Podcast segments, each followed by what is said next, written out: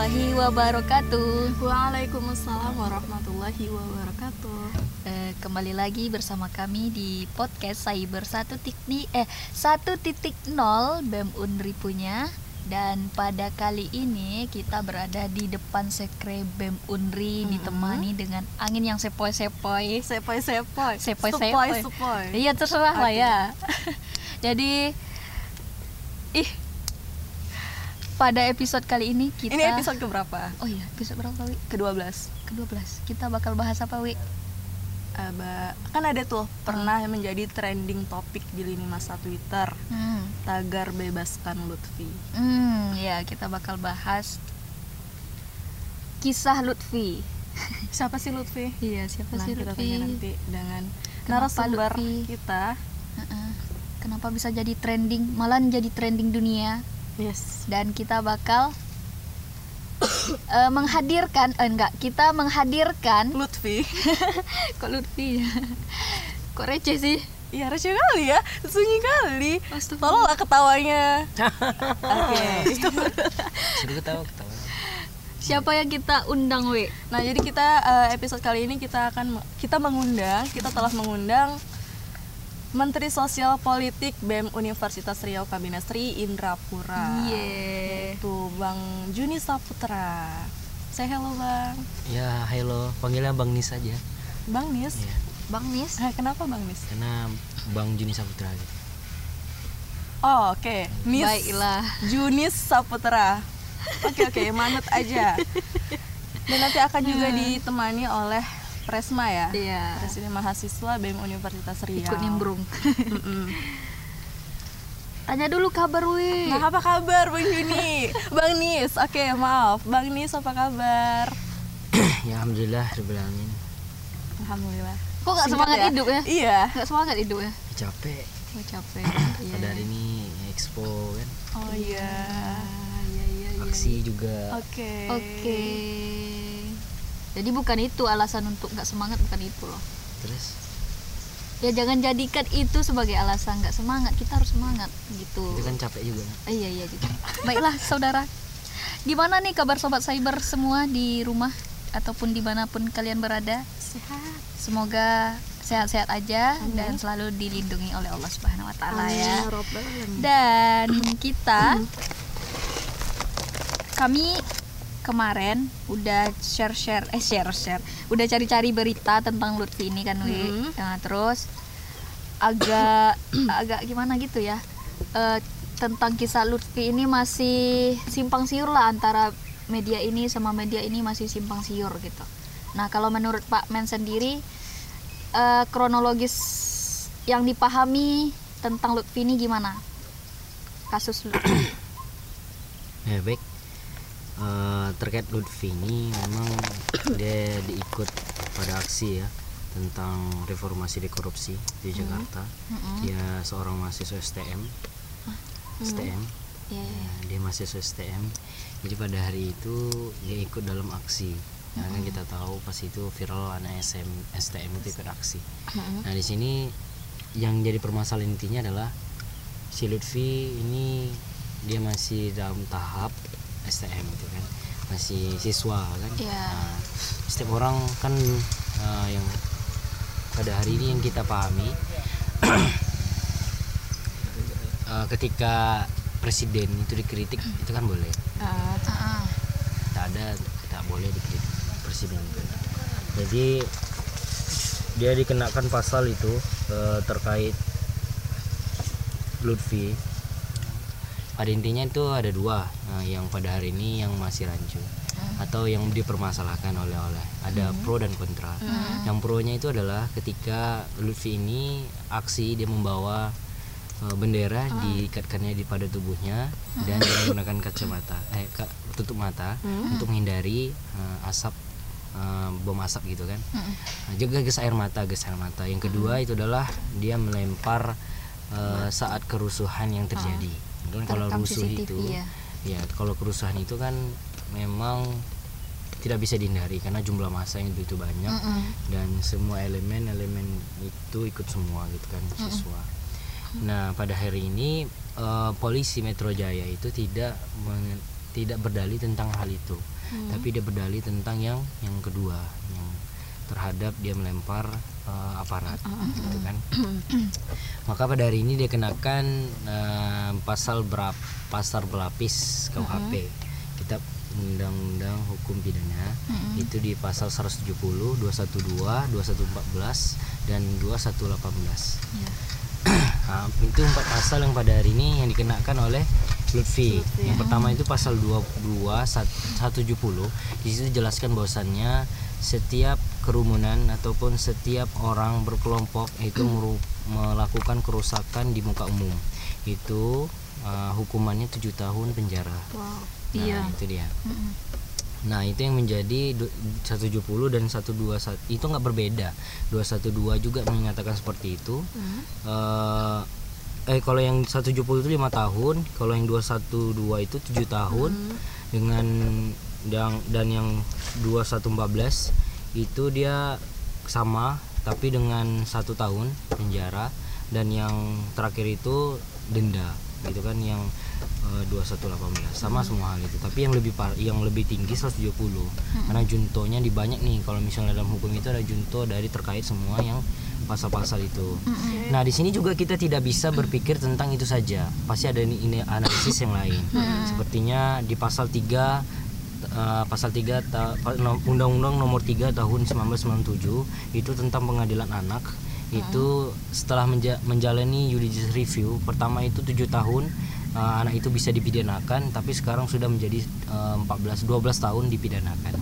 Nah, kita harus fak- faktor yang di sini kita tidak harus harus melihat bahwasanya faktor eh, di bawah di bawah umur gitu kan anak-anak di bawah umur. Karena STM itu kan rata-rata yang umurnya ya paling tinggi ya 14 16 gitu kan. Nah ini yang menjadi permasalahannya. Kalau misalnya eh, anak itu karena pe- kasus ini sudah P21 gitu kan Pak. Kasus P21 ini adalah sudah eh, fiksasi sudah lengkap dan sekarang itu menurut informasi itu bukan di kepolisian lagi kasusnya tapi kasusnya sudah di kejaksaan. Dan itu urusan kejaksaan lagi bukan kepolisian karena sudah dilempahkan nah di sinilah peran kita sebagai aktivis kampus bagaimana teman-teman kita sudah ma- melalui tahap orang lupa. Eh, sebenarnya orang lupa terhadap Lutfi ini karena kenapa? Lutfi ini ya viralnya gara-gara dia pakai bendera, Bendera, dan mat- dia pakai kaca- seragam ya? ya, pakai seragam bendera dan kacamata gitu kan. Nah dari sini habis itu hilang. Rupanya teman-teman kita eh, orang-orang yang di sana itu mencari tahu siapa sih orang yang pada hari ini yang memakai bendera itu. Dan bendera itu dicari dan ketika itu dia dapat bahwasannya sedang diproses nah muncullah tagar bahwasannya eh, apa tagarnya bebaskan Lutfi Nah, itulah itulah mulainya munculkan tag tagal itu muncul. Nah, di situ orang baru simpati. Nah, sekarang tapi bila apa permasalahannya sudah P21 dan masuk di kejaksaan. Nah, kasus-kasus yang menjerat mereka itu adalah kasus yang tadi itu, pasal-pasal yang akan di angkat gitu kan alkohol kejaksaan. Makanya dari kitanya ya kita berbuat karena sudah masuk situ ya harus diadili, tidak bisa lagi diundurkan. Di pengadilan itu kalau sudah masuk di pengadilan itu sudah. Karena kan dia melakukan tindak pidana. Nah di sini juga. Nah kita juga mengkritisi bahwasannya kita sih rusuh. Rusuh sih kalau dalam makan bahkan ada yang lebih parah lagi rusuhnya. Kalau kita lihat kan di Sul- bentar su- contoh aja di Sulawesi. Ah. itu belum aja kita masuk apa ke kan misalnya kantor gubernurnya gitu kan udah dilempari batu gitu Iya. Nah, gitu kan udah dilempari batu sebelum dia masuk gitu. Nah, itu apa hal? Itu berarti kan sama juga melawan karena kan peraturan itu setiap orang atau individu atau kelompok yang pasal 70 itu melakukan kerusuhan dan keributan di muka umum maka akan dipidanakan selama selama lima tahun. Nah itu yang menjadikan dasar kita bahwasannya ada kok demonstrasi di Sulawesi itu sampai lempar batu gitu kan. Kenapa sih nggak ditangkap? Dan kenapa ditangkap tuh hanya Lutfi? Iya, iya itu dia. Nah itu yang menjadi permasalahan karena yang demonstran itu banyak harusnya tangkap semua gitu kan. Mm-mm. Apakah Lutfi ini salah satu korban yang harus menjadi contoh? Nggak boleh juga. Karena kan di, di dalam pasal 70 itu eh, setiap orang apa se- apa setiap orang atau berkerumunan yang melakukan kerusakan ya silakan tangkap berkerumunan itu. Siapa yang kenapa harus Lutfi? Kenapa harus yang Lutfi yang ditarget ditargetkan gitu kan? Mm-mm. Nah itu yang menjadi permasalahan kita di sini. Karena kan kita lihat ada lebih parah lagi. Bahkan di Kalimantan itu seperti hmm, perang gitu kan. Contohnya gini ketika polisi itu beli brigade gitu kan ada mobil didorong untuk menghancurkan brigade itu. Mm-mm. nah itu lebih parah lagi karena itu sudah melukai gitu kan nah, tak jauh-jauh dari aksi kita yang eh, di gerakan 17 September gitu kan melihat bahwasannya ada HP jatuh, ada yang dilempar pakai botol gitu kan, terus ada yang patah tangannya, terus ada yang polisinya diinjak-injak gitu kan. Itu apakah ditangkap? Tidak. Sampai sekarang, contohnya anak Win, contohnya di gubernuran itu sampai diinjak-injak, sampai diapain gitu kan. Apakah hari ini ditangkap? No. Tidak. Kenapa harus dibedakan mahasiswa dengan SMA, STM? Nah itu yang menjadi permasalahan. Apakah hukum ini tebang pilih? Apakah pada hari ini polisi hanya eh, padahal dia tidak membawa benda, benda tajam? Nah batu itu dilempar, ya semuanya dilempar batu, bukan dia aja. Iya. Yang tertangkap CCTV ya dia gitu kan. Tapi selama ini yang lempar batu bukan hanya dia. Apa salahnya ditangkap? Dan kenapa hanya kasus dia yang P21? Tapi yang lainnya nggak ada. Nah ini terjadi permasalahan berarti tidak tidak ada keadilan dalam eh, berdemokrasi karena tebang pilih terhadap eh, kekuasaan yang ada di Indonesia ini. Makanya betul reformasi itu dikorupsi dan demokrasi itu dikikisi gitu kan. Nah itu yang menjadi permasalahan siapa sih pada hari ini Lutfi ini viral gitu. Itu sih karena dari pandangan saya gitu kan. Kalau dari pandangan polisi bahwasannya dia tidak permasalahkan benderanya gitu kan. Tapi dia mempermasalahkan dia lempar Batunya uh, batu dan melem- melempar dan melawan apa eh, aparat gitu kan. Contohnya saja di aksi gerakan 17 September. Itu ada juga polisi itu yang anarkis dan sampai teman-teman kita digebukin gitu kan, sampai ditangkap. Tapi pada hari ini kita bisa membebaskannya. Nah, kenapa sih Lutfi ini menjadi permasalahannya? Kenapa sih Lutfi nggak bisa kita bantu gitu? Dia anak STM gitu kan. Masa masa hidupnya masih panjang, masa belajarnya masih panjang dan pada hari ini dia itu berhak untuk melak apa mendapatkan kebebasan untuk belajar. Karena kan dia belum lulus STM dan masih cita-citanya masih tinggi. Dan takutnya ketika dia ingin dimasukkan penjara, batasan-batasan dia untuk berkepesi sebagai mahasiswa sebagai siswa dan dia ingin mencapai cita-citanya menjadi muram dan suram gitu. Karena nggak dapat fasilitasi karena negara membatasi membatasi dan memberikan tidak ada ruang terhadap mereka terhadap kegiatan-kegiatan dan uh, eksploitasi uh, pemerintah melakukan eksploitasi kalau misalnya masih tetap di penjara. Karena ada jalur lain terkait ada terkait mediasi ada juga terkait kalau pemulihan kembali gitu kan. Kalau misal dalam undang-undang nomor 3 tahun 2000 tahun 1997 itu uh, anak kalau misalnya anak di bawah umur tidak boleh dipidanakan dan berhak negara itu melakukan pemulihan mental terhadap uh, yang sis- siswa yang ditangkap atau anak di bawah umur yang ditangkap karena di sini juga dikaitkan jangan sampai ini menjadi anak bangsa itu punya kreasi masing-masing. Dia mempunyai cita-cita masing-masing untuk berubah bangsa. Siapa lagi yang akan merubah bangsa ini kalau bukan anak bangsa? Nah pada hari ini kita lihat bahwasannya eh, negara membatasi. Dan negara secara sepihak dan secara memaksa untuk dia dipenjara. Nah itu. Dan tindakan polisi yang terlalu cepat memutuskan P21 terhadap Lutfi dan diberikan kejaksaan kita lihat dari kinerja yang lain seperti pencurian dan lain-lain itu Iya. sangat sulit dicari Korupsi. Nah, kalau hal seperti ini cepat sekali karena yang diserang itu adalah polisi. Nah, itu menjadi permasalahan sekarang. Semoga apa yang kita bicarakan pada hari ini bisa membantu Lutfi bagi teman-teman yang peduli dengan Lutfi karena ini adalah salah satu eh, membantu anak bangsa supaya dia tetap berepresi dan mengeluarkan ide-ide bagusnya terhadap eh, untuk bangsa ini. Karena kan dia salah satu aset bangsa yang pada hari ini berani untuk ber- mengkritisi pemerintah reformasi yang demokrasi ma- maupun belum paham. Tapi mereka mau turun ke jalan buat parlemen di jalan dan dua kata untuk eh, Indonesia hidup rakyat Indonesia gitu kan. Iya, iya. Nah, makanya pada hari ini Lutfi itu bukanlah salah satu orang eh, salah satu orang yang terzolimi terhadap eh, polisi yang tidak suka dengan dia. Karena lempar batu banyak lempar botol banyak Iya, yang dipukuli ya. banyak dan kita memukul polisi juga ada banyak gitu. Tapi kenapa nggak ditangkap gitu? Kenapa hanya harus Lutfi? Yang sekian ribu orang yang aksi yang ada di Jakarta hanya satu orang yang ditangkap dari penjara hanya Lutfi. Dan hati nurani mana siapa yang tidak hati nurani mana pada hari ini yang tidak nangis dengan hal itu. Oke. semua aktivis yang ada di Indonesia ini pasti nangis karena hal seperti ini. Yes. Itu sih dari saya. Mungkin potong-potongannya juga sampai sini kak. Mungkin itu dari saya. Mungkin ada pertanyaan silakan. Tapi ada yang meng- mengabarkan salah satu tuduhan polisi juga bahwa si Lutfi itu bukan seorang pelajar STM, tetapi seorang pemuda yang berumur 20 tahun. Iya, dia udah lulus dari STM katanya. ya ya itu kan berita. Jadi pada hari ini eh, ketika dia pada hari ini dia dipindahkan ke urutan Salemba di Jakarta dan itu ada seorang ibu Ya. baik-baik enak katanya. Nah, Itu ibu ibu ibu selalu mendoakanmu itu di apa kan salah satu Di informasi FB. nah, baik-baik nah itu salah satu bukti bahwasanya dia masih anak STM Hmm. Oke. Iya juga ya. bisa sih di cross check gitu ya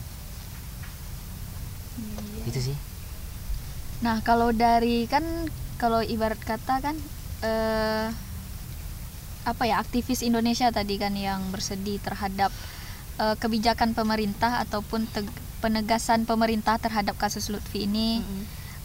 lebih apa ya dibilang emang nampak kali tumpul ke atasnya tajam ke bawahnya eh, apa ya hukum yang berlaku gitu ya yang diapakan ke Lutfinya. Nah dari BEM-nya sendiri ada nggak eh, apa ya kayak eh, apa namanya apa namanya ya? Me?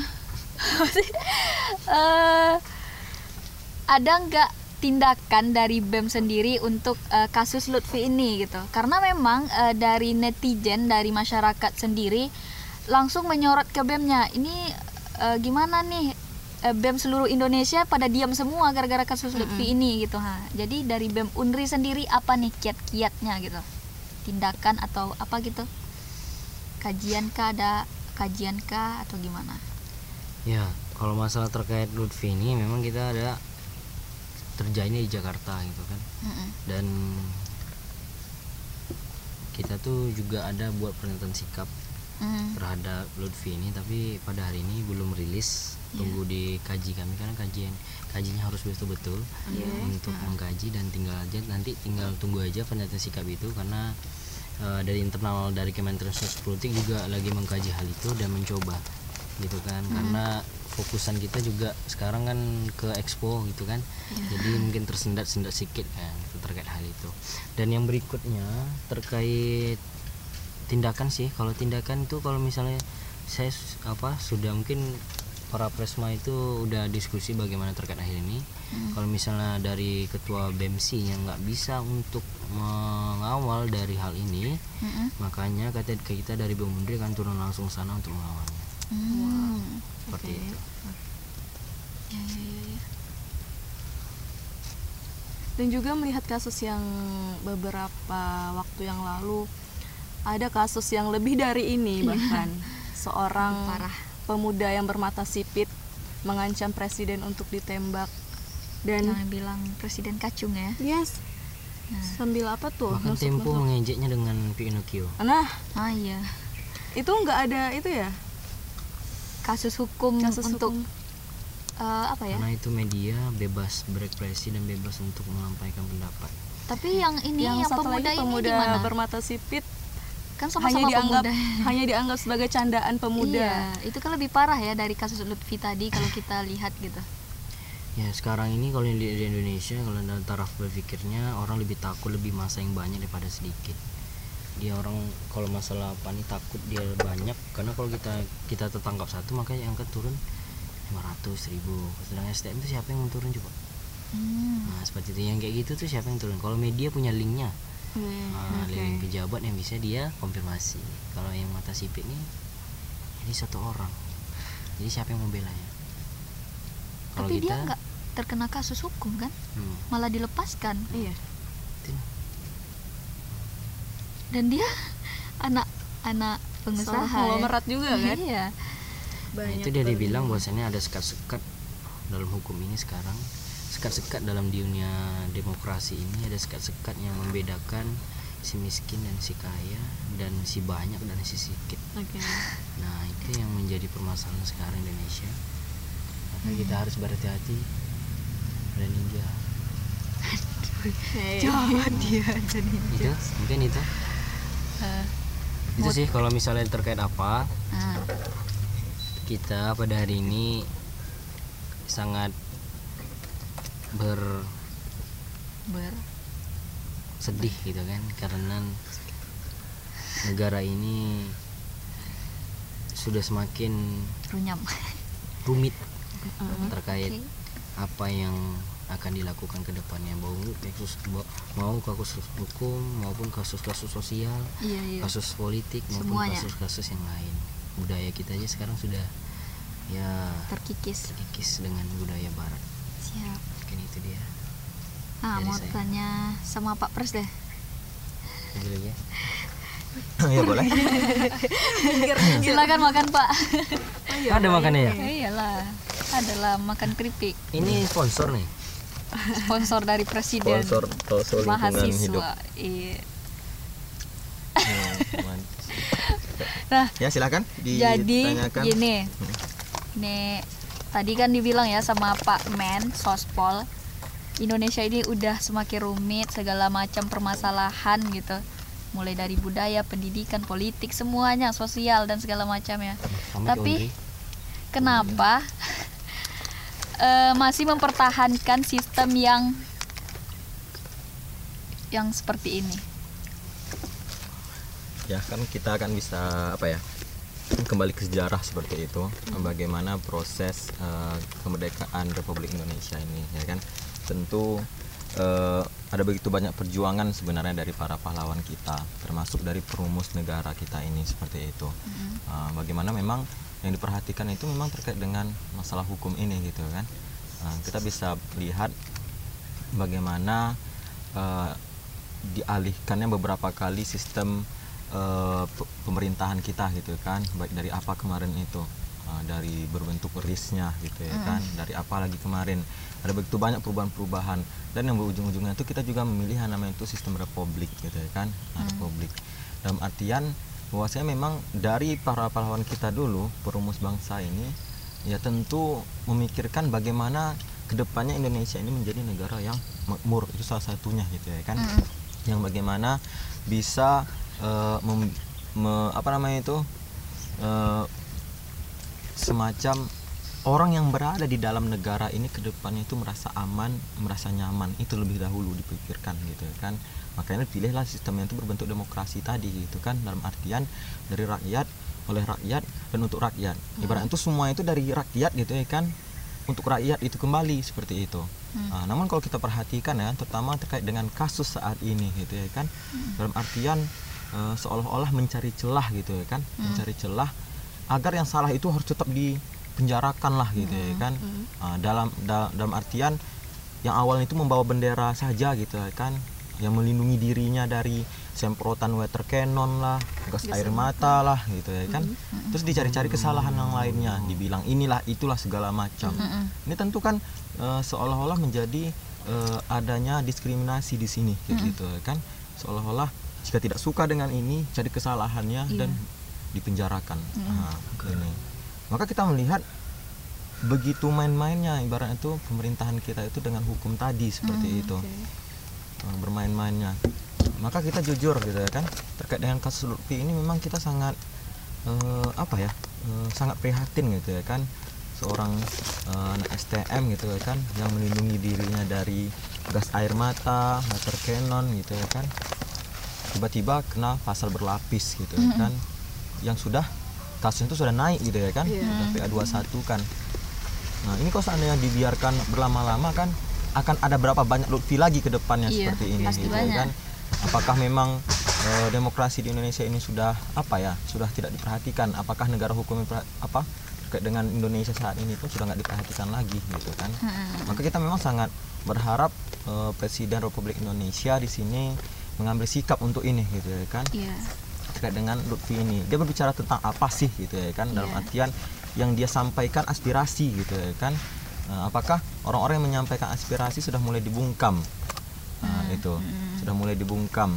Jadi tidak boleh lagi rakyat itu bersuara Iya. mengkritisi pemerintahan gitu ya kan. Mm-mm. yang dalam artian ya kalau seandainya tidak dikritisi apa jadinya pemerintahan ini ke depannya? Yes. Nah, banget. pasti akan semena-mena gitu ya kan. Pasti akan semena-mena Nah, ini berharapnya terutama mahasiswa gitu kan terutama kaum intelektual muda eh, bagaimanapun dalam artian eh, kita mengkritisi kebijakan itu bukan berarti kita tidak menyukai pemerintahan itu sendiri. Namun apa? Kita berharap menjadi lebih baiknya pengelolaan terhadap negara ini. Kalau seandainya dibiarkan pemerintah ini berjalan sesuka hatinya gitu kan Iya. lama kelamaan ya tentu terkait dengan pengembangan terhadap negara ini pun akan menjadi sangat lemah gitu kan dalam artian memperhatikan kemakmuran rakyat itu sendiri gitu kan. Mungkin nanti pemerintahan bekerja hanya untuk pemerintah itu sendiri gitu kan nam- tanpa memikirkan nasib nasib rakyat itu sendiri. Nah ini yang sangat kita khawatirkan. Sudah. Udah ya, pres. sudah sudah. Udah panjang ya kan?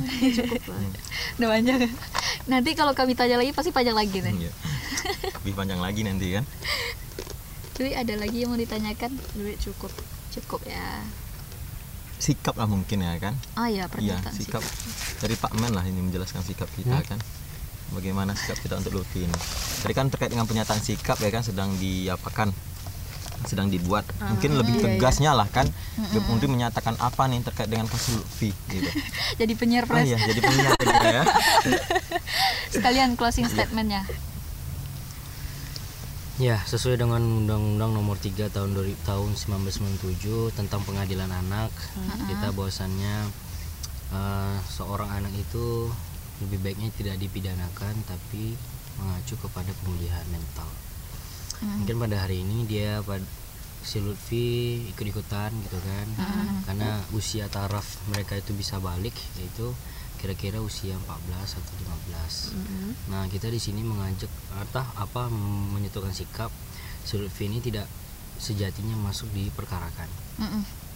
Tapi dalam konteks dia itu hanya di pemulihan mental dan pemulihan jati dirinya sebagai siswa karena kami melihat dari aspek pendidikan dan aspek dirinya sendiri bahwasannya ada lihat perspektif itu masih panjang jalan ceritanya dalam kehidupan dia.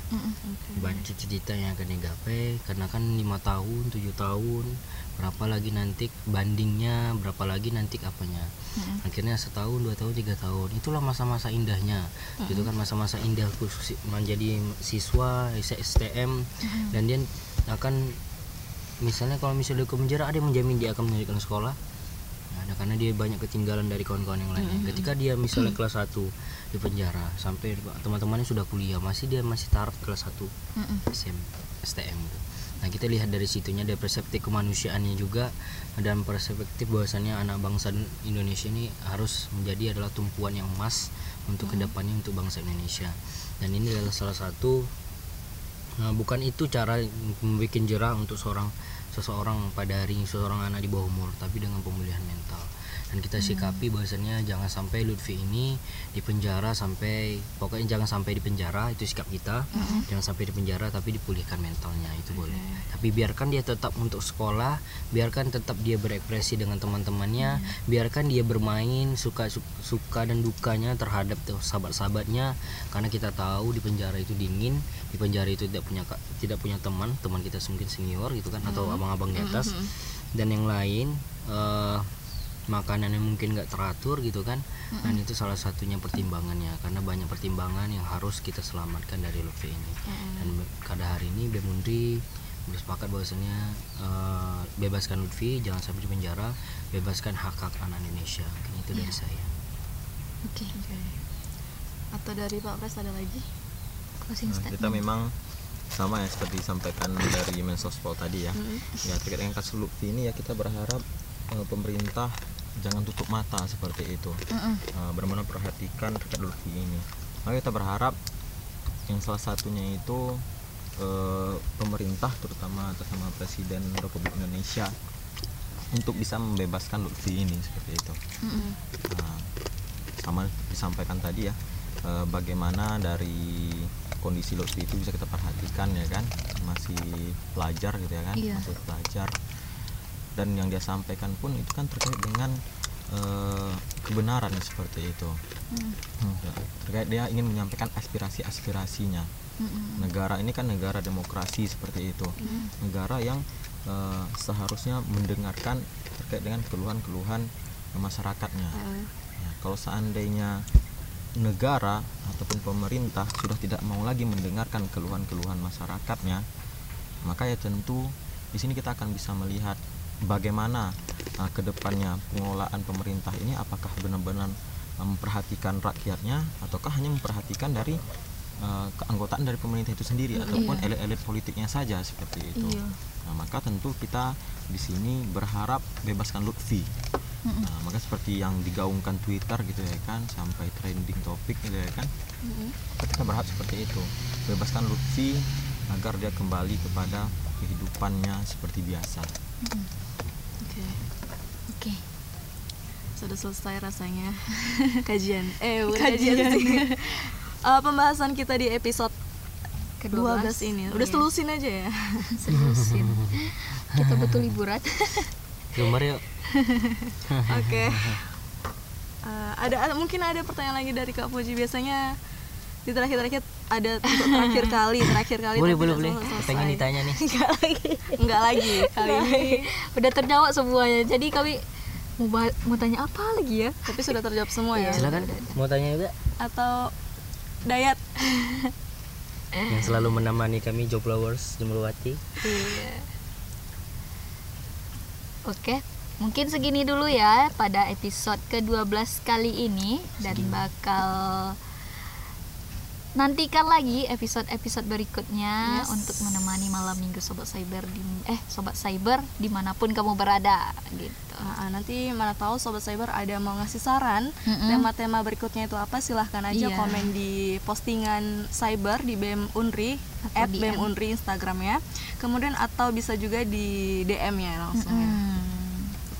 Ya mungkin itu saja atau Iya. ada lagi mau di sharekan buat sobat cyber Hmm, enggak sih. Expo Kon- konser amal. Em, Konser apa? kita Ah, udah lewat dia, Udah Pak. lewat. Jadi kami rekaman pada hari hari apa sekarang? hari Jumat Iya hari Jumat pagi di Ah. Sekre BEM. Nah jadi tayangnya itu malam, malam Ahad. Ahad. jadi sudah selesai konser Iya. Jadi nggak bisa kasihan ya. Nah udah nonton belum sobat cyber? Ini kan layangnya Oh, on iya. airnya malam ahad kan, tentunya udah selesai konser. Jadi bagaimana tanggapan sobat cyber setelah melohot, melohot, Melohot. melihat, mendengar, menonton konser Amal Amal. Virgon? Atau Unri Expo-nya? Mm-mm. Silakan komen-komennya. Komen di bawah. Komen di, bawah, at Unri postingan Expo-nya. Cyber Podcast. Oke. Oke. Udah mungkin itu aja bacotan kita ya. Saya Puji. Nah saya dulu ya. Selamat malam Ahad, selamat beristirahat. Tetap semangat, selalu sehat. Assalamualaikum warahmatullahi wabarakatuh. Namun suaraku takkan pernah bisa kau redam. Oh, tak bisa kau redam.